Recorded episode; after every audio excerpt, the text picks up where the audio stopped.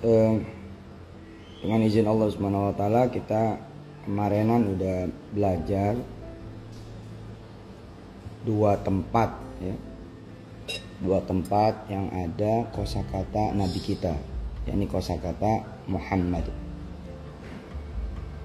Ini menjadi harusnya penting minimal kita tahu nama nabi kita itu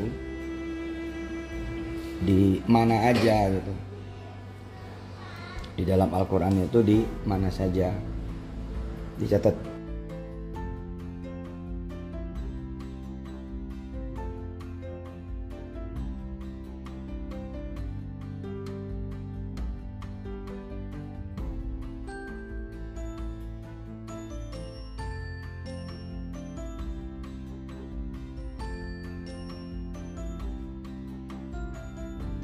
الشيطان الرجيم.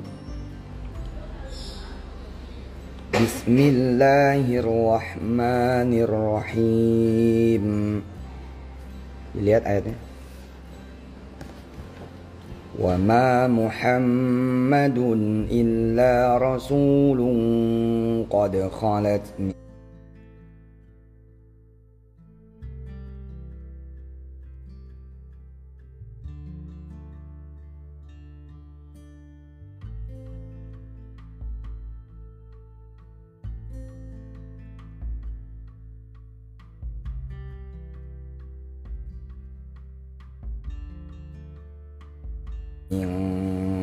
قبله الرسل؟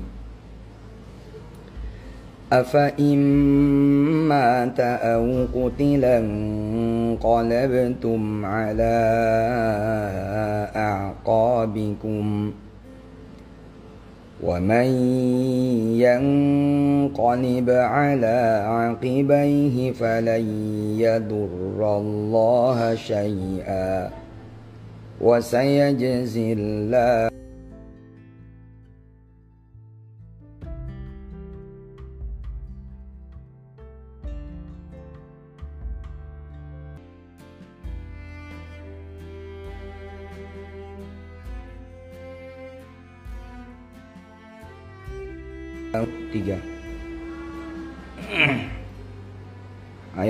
ayat 40 ini lokasi di mana ada kosakata dengan nama nabi kita Muhammad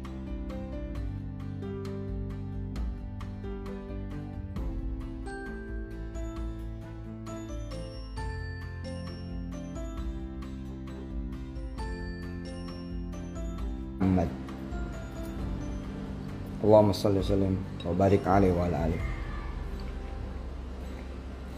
Ini langsung nama Muhammad ya nggak bukan engkau bukan dia bukan nabi langsung Muhammad. Nah dengan kita mengetahui paling enggak bertambahlah gitu kan pengetahuan kita tentang nabi kita. Jangan sampai nggak nggak ada nambahnya.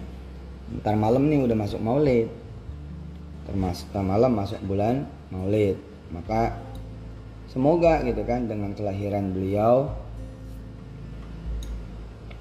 dan kita mengingat hari lahirnya beliau, bulan lahirnya beliau, kita menjadi diingatkan kembali. Udah seberapa mengenal sih coba tulis udah berapa udah seberapa mengenal sih Rasulullah udah berapa kenal terhadap Nabi? Sudah berapa mengenal Nabi? Dua, sudah berapa sunnahkah gitu? Yang diamalkan.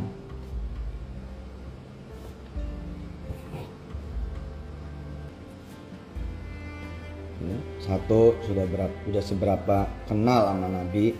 Dua, udah berapa sunnah yang diamalkan dan diistiqomahkan. Ketiga, berapa banyak salawat yang dikirim setiap hari. berapa banyak salawat yang dikirim setiap hari.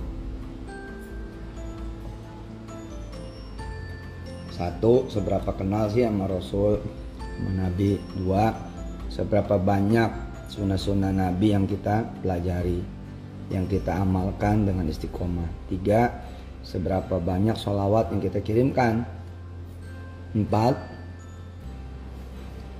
seberapa usaha kita menjadi umatnya yang baik. Empat, seberapa besar sih itu ikhtiar kita untuk menjadi umatnya yang baik.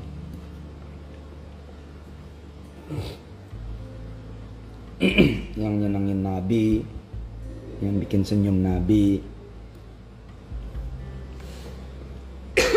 yang bikin bangga Nabi. Udah ditulis? Yang bikin senyum Nabi,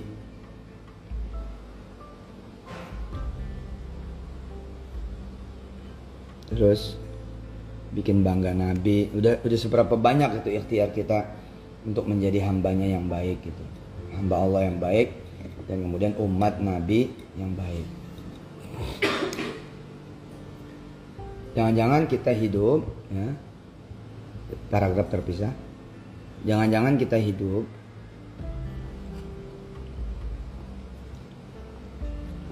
nggak ada cantolan nabinya Jangan-jangan kita hidup nggak ada cantolan nabinya. Karena ketiadaan ilmu kita.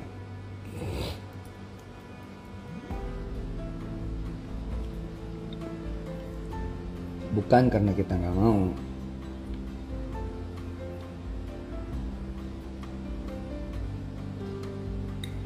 Tapi karena ketiadaan ilmu.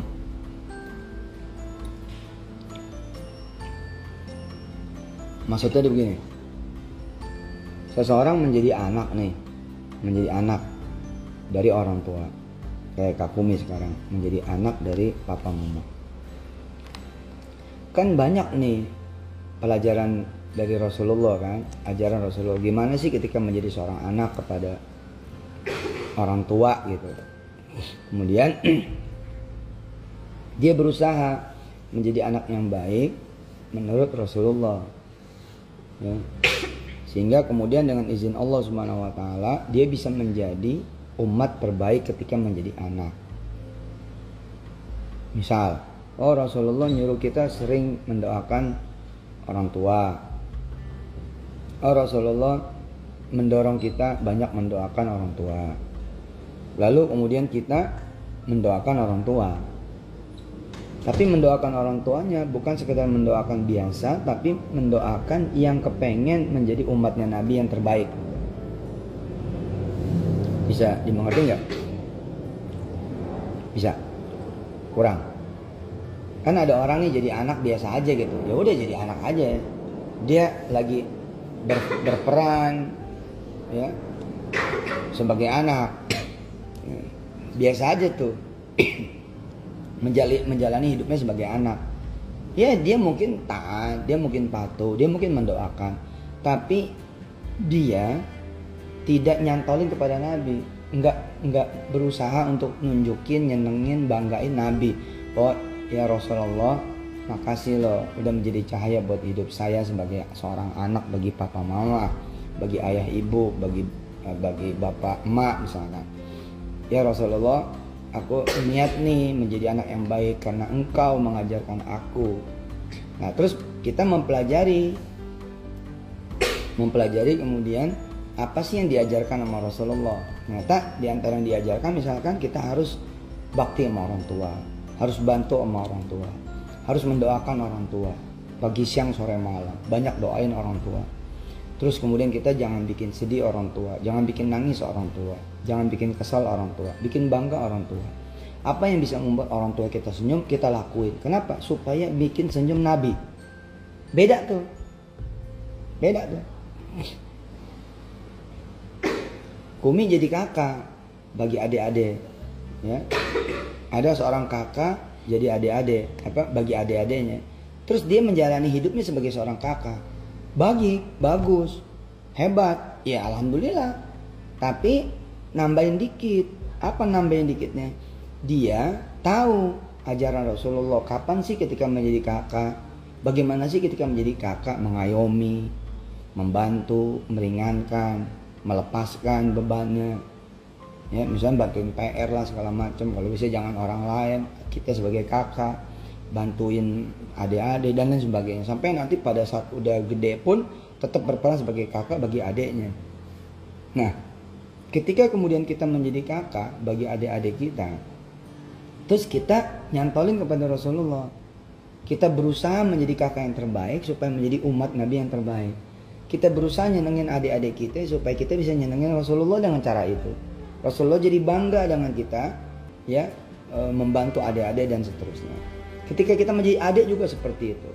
Nanti ketika Kakumi menjadi seorang istri atau seorang istri sekarang lagi berperan sebagai seorang istri bagi suaminya, seorang suami bagi istrinya, orang tua bagi anaknya, kayak papa mama nih. Bagi orang tua, ada yang menjalani kehidupannya tanpa cantolan. Ya dia bagus sebagai seorang ayah, ibu, bapak, emak, ya. Ayah bunda bagus baik. Tapi ketika dia nggak ada cantolannya kepada Rasulullah dia jadi kayak kurang visi misi kayak kurang tujuannya kayak kurang kemudian buat apanya nah kita melakukan itu nih untuk mencintai Rasulullah menyayangi Rasulullah Rasulullah menyuruh seorang suami baik pada istrinya. Rasulullah menyuruh seorang istri baik pada suaminya. Masing-masing saling menjaga, menghormati, memuliakan dan lain sebagainya. Karena Rasulullah. Karena Allah. Nah ketika kemudian kita punya cantolan seperti itu. Maka dengan izin Allah kita punya bobot tambahan lebih daripada sekedar menjadi orang yang baik. Nanti dia menjadi pelajar. Menjadi siswa-siswi menjadi santri, menjadi mahasiswa-mahasiswi, cukupkah menjadi orang yang baik? Cukup sebenarnya. Cukup banget, hebat itu udah menjadi orang yang baik. Tapi kalau bisa di alam bawah sadarnya, di pikiran selalu dibangun. Kenapa sih aku mesti jadi siswa-siswi yang baik? Kenapa sih aku mesti menjadi teman yang baik? Kenapa sih aku mesti menjadi santri yang baik? Kenapa sih aku mesti menjadi mahasiswa-mahasiswa yang baik? Karena Rasul menyuruh aku baik di mana saja. Nabi menyuruhku baik di mana saja. Nabi mengajariku untuk menjadi orang yang baik di mana saja. Banyak manfaatnya, nggak banyak madorotnya, bahkan nggak ada madorotnya. Senang, riang, ringan, membantu kanan kiri, depan dan belakang gitu. Ketika kita menjadi orang kaya, mana ajaran Rasul tentang orang kaya? Ketika kita menjadi orang miskin, mana ajaran Rasul tentang orang miskin? Ketika kita nggak punya masalah, mana ajaran Rasul tentang e, seseorang tidak punya masalah. Ketika kita bermasalah, mana juga ajaran Rasul ketika kita sedang bermasalah. Misalnya kita bersabar, kita menjalani hidup dengan ketentuan Allah, kita redok dengan ketentuan Allah. Lalu kemudian ketika kita menyadari bahwa oh iya saya lagi susah, saya lagi miskin, saya lagi nggak punya apa-apa, saya lagi banyak urusan, saya lagi banyak kesulitan, saya lagi banyak kesedihan, tapi Rasulullah mengajariku untuk bersabar. Maka ya Allah, saksikan aku mau bersabar. Nah kan ketika kita bersabar nyenengin Rasulullah karena ajarannya dipakai gitu. Ketika kaya pun begitu. Ketika kaya, ketika punya harta, ketika banyak kerjaan, ketika banyak proyek, ketika kemudian banyak duit, banyak kelapangan, banyak kemudahan. Apa sih yang disuruh sama Allah dan Rasulnya? Apa gitu? Jadi kita bukan sekedar jadi orang kaya, jadi orang kaya aja. Nggak ada cantolannya, enggak. Kita ada cantolannya, ya ini Rasulullah. Allah subhanahu wa ta'ala dan Rasulnya. Masya Allah dan di, di berbagai tempat gitu ya. Nah, ini yang dibahas juga di episode yang sebelumnya menyambut Maulid bagian 1 dan bagian 2. Orang yang kemudian uh, memahami kehadiran Rasulullah, ya mengetahui kehadiran Rasulullah dan menghargai Rasulullah, respect sama Rasulullah. Dia tahu ajaran Rasulullah dan menjalankan ajaran Rasulullah.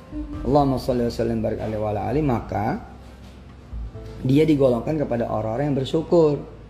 Ketika dia digolongkan kepada orang bersyukur, wajar bila kemudian kehidupannya banyak naiknya, banyak berubahnya, banyak lebih baiknya, banyak ditanggungnya, banyak dijaminnya, banyak ditolongnya, banyak dibantunya, banyak dilipat gandain rizkinya. Kenapa? Karena dia masuknya golongan orang-orang bersyukur. Karena memahami ada Rasulullah.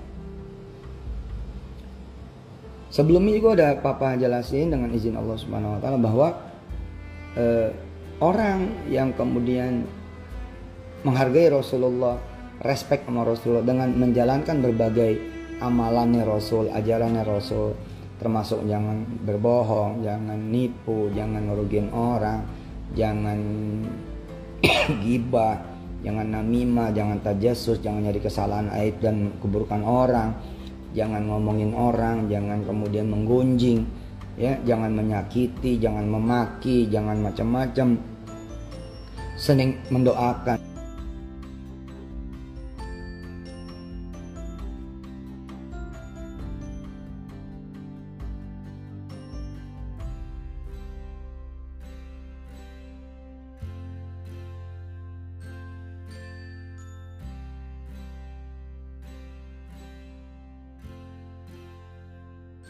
Dan dengan demikian terjadi ini yang dibahas pada surah Ali Imran 144 wa saya jazillahu syakirin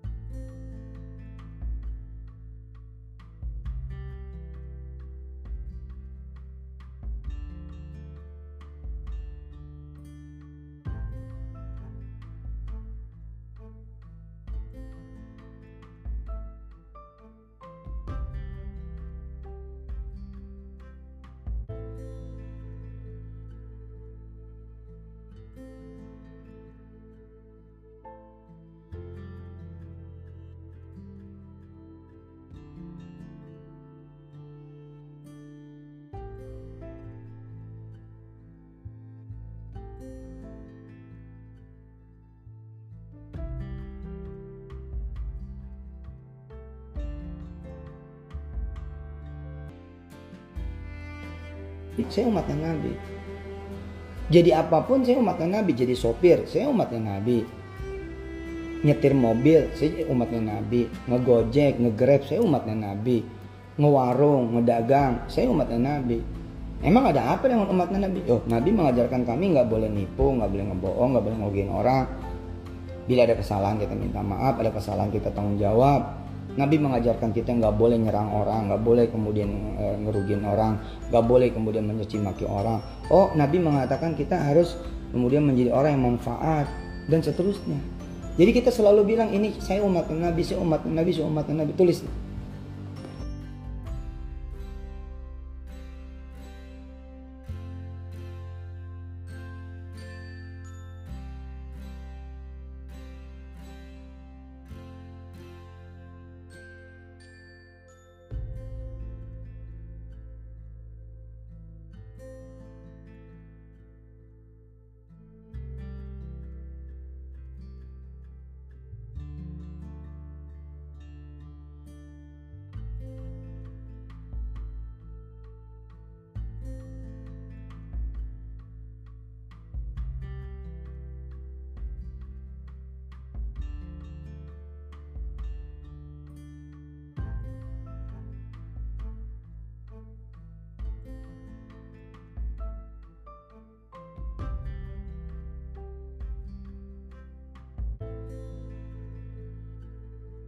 jadi guru, jadi dosen, jadi karyawan pabrik, jadi karyawan perkantoran, jadi manajer profesional, jadi buruh, jadi petani, pekebun, peternak. Kenapa? Ya, saya umatnya Nabi, jadi saya harus harus berbuat baik gitu. A'udzu billahi minasyaitonir rajim. Masuk ke Al-Ahzab ayat 40. Makasih. Al-Ahzab ayat 40. Tadi Ali Imran 144, sekarang Al-Ahzab ayat 40.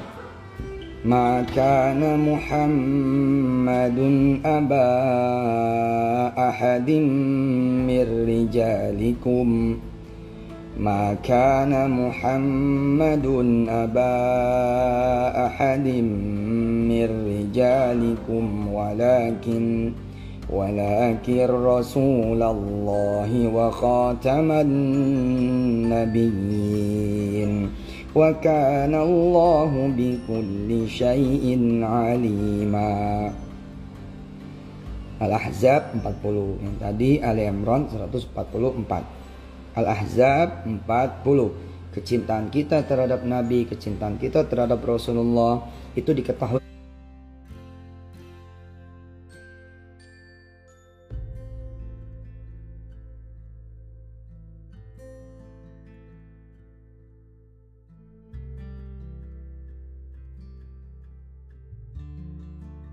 semuanya diketahui sama Nabi. Al-Ahzab ayat 40. Tulis. Al-Ahzab ayat 40. Ini tempat kedua di mana ada kosakata Muhammad. Maka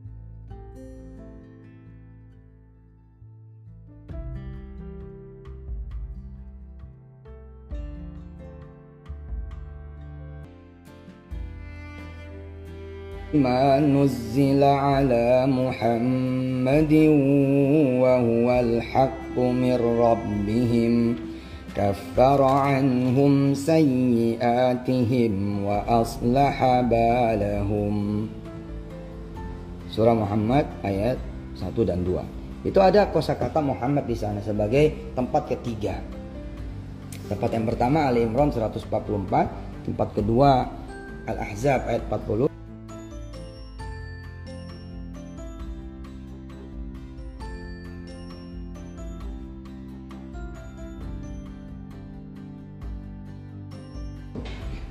Kalau sebelumnya tentang kebersyukuran. Ya, tulis sebelumnya tentang kebersyukuran.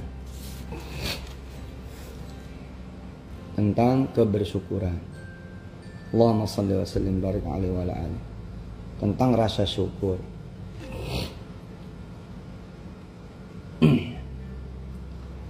Jadi kalau ada orang yang kemudian mau mengenali Rasulullah, nambahin ilmunya tentang Rasulullah, mencintai Rasulullah nggak ada pagi kecuali dia duha nggak ada malam kecuali dia sholat malam nggak ada dia kecuali berjamaah. Umi mesti perhatian tuh sama berjamaah Kum. Tanya mama sholat nggak? Jamaah apa enggak gitu. terus kau beli abad dia? Kita mencintai Nabi aja ya.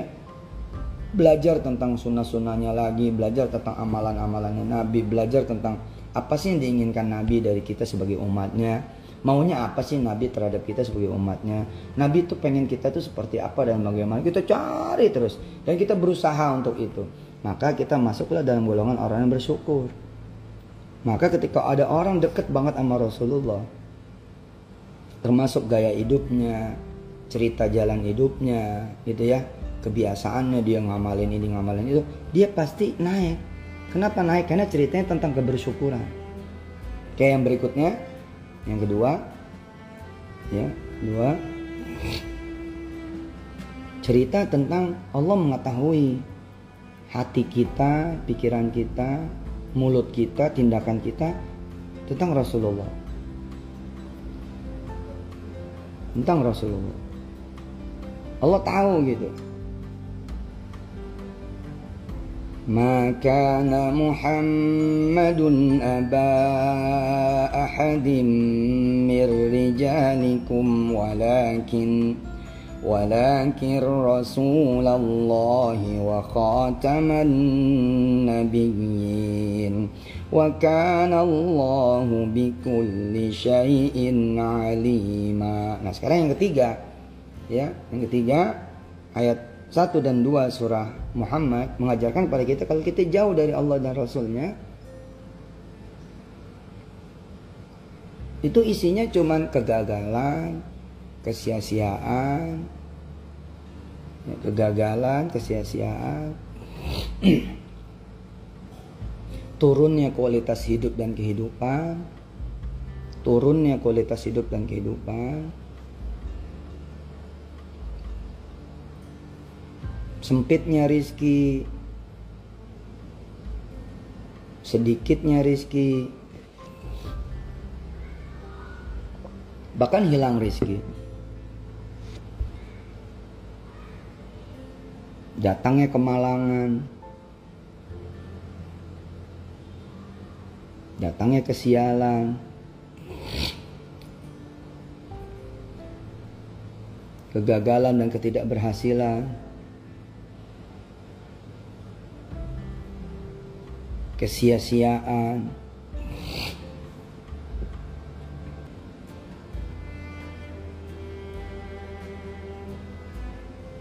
jauh dari ketenangan,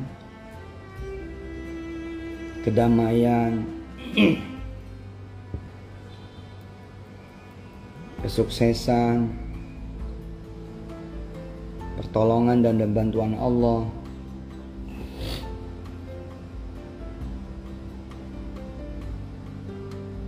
Dan jauh dari rahmat Allah. Dan jauh dari rahmat Allah.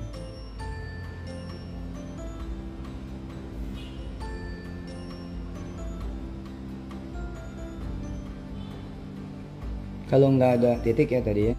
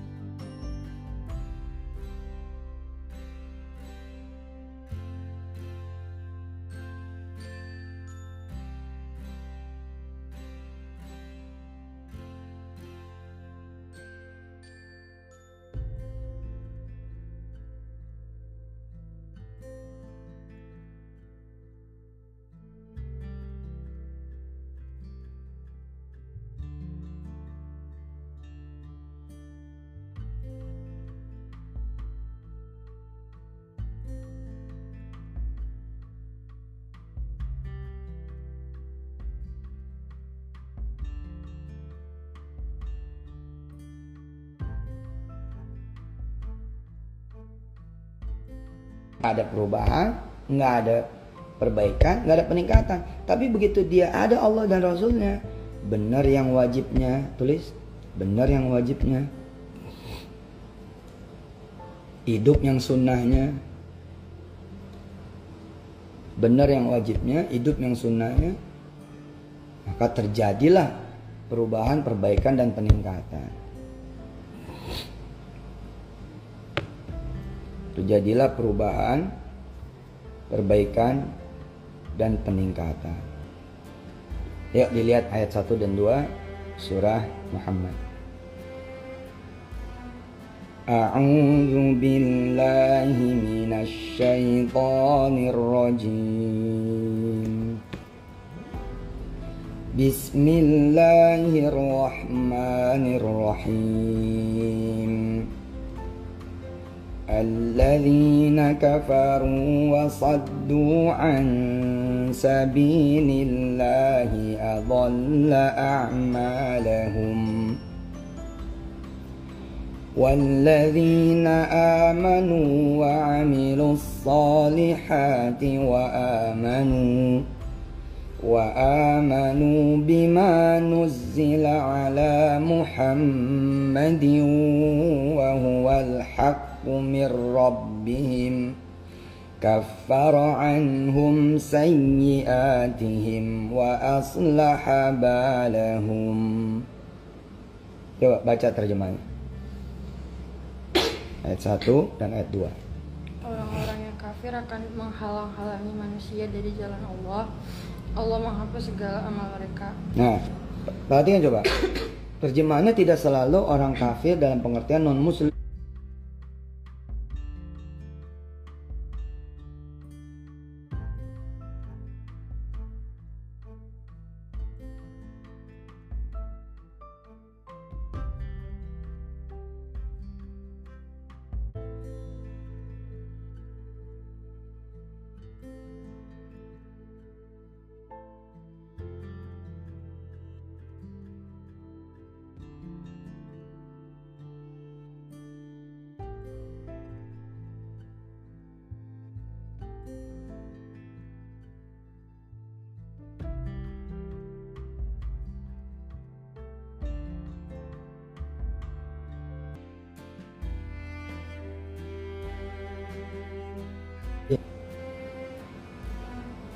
Ditakut-takutin tentang A, B, C, dan D.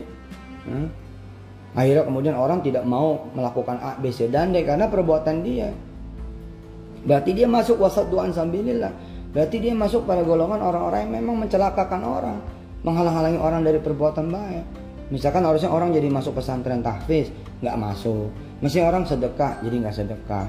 Mesti orang bersatu dalam ekonomi umat, jadi nggak berani bersatu dalam ekonomi umat. Kenapa? Karena ada upaya terus menerus misalkan orang untuk menghancurkan, menjelekkan.